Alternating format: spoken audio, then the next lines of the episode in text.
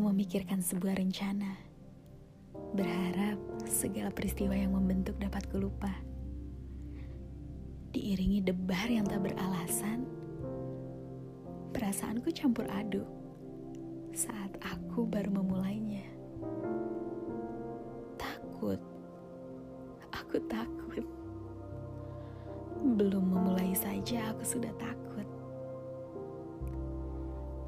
Aku takut dengan hasil yang akan tercipta. Rasa percaya diri dan keyakinan menurun karena minimnya dukungan. Aku tahu ini bukan tidak biasa. Hanya saja perlu latihan untuk terbiasa.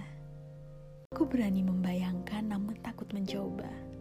Sampai akhirnya aku sadar bahwa satu-satunya tembok penghalang hanyalah pikiranku sendiri.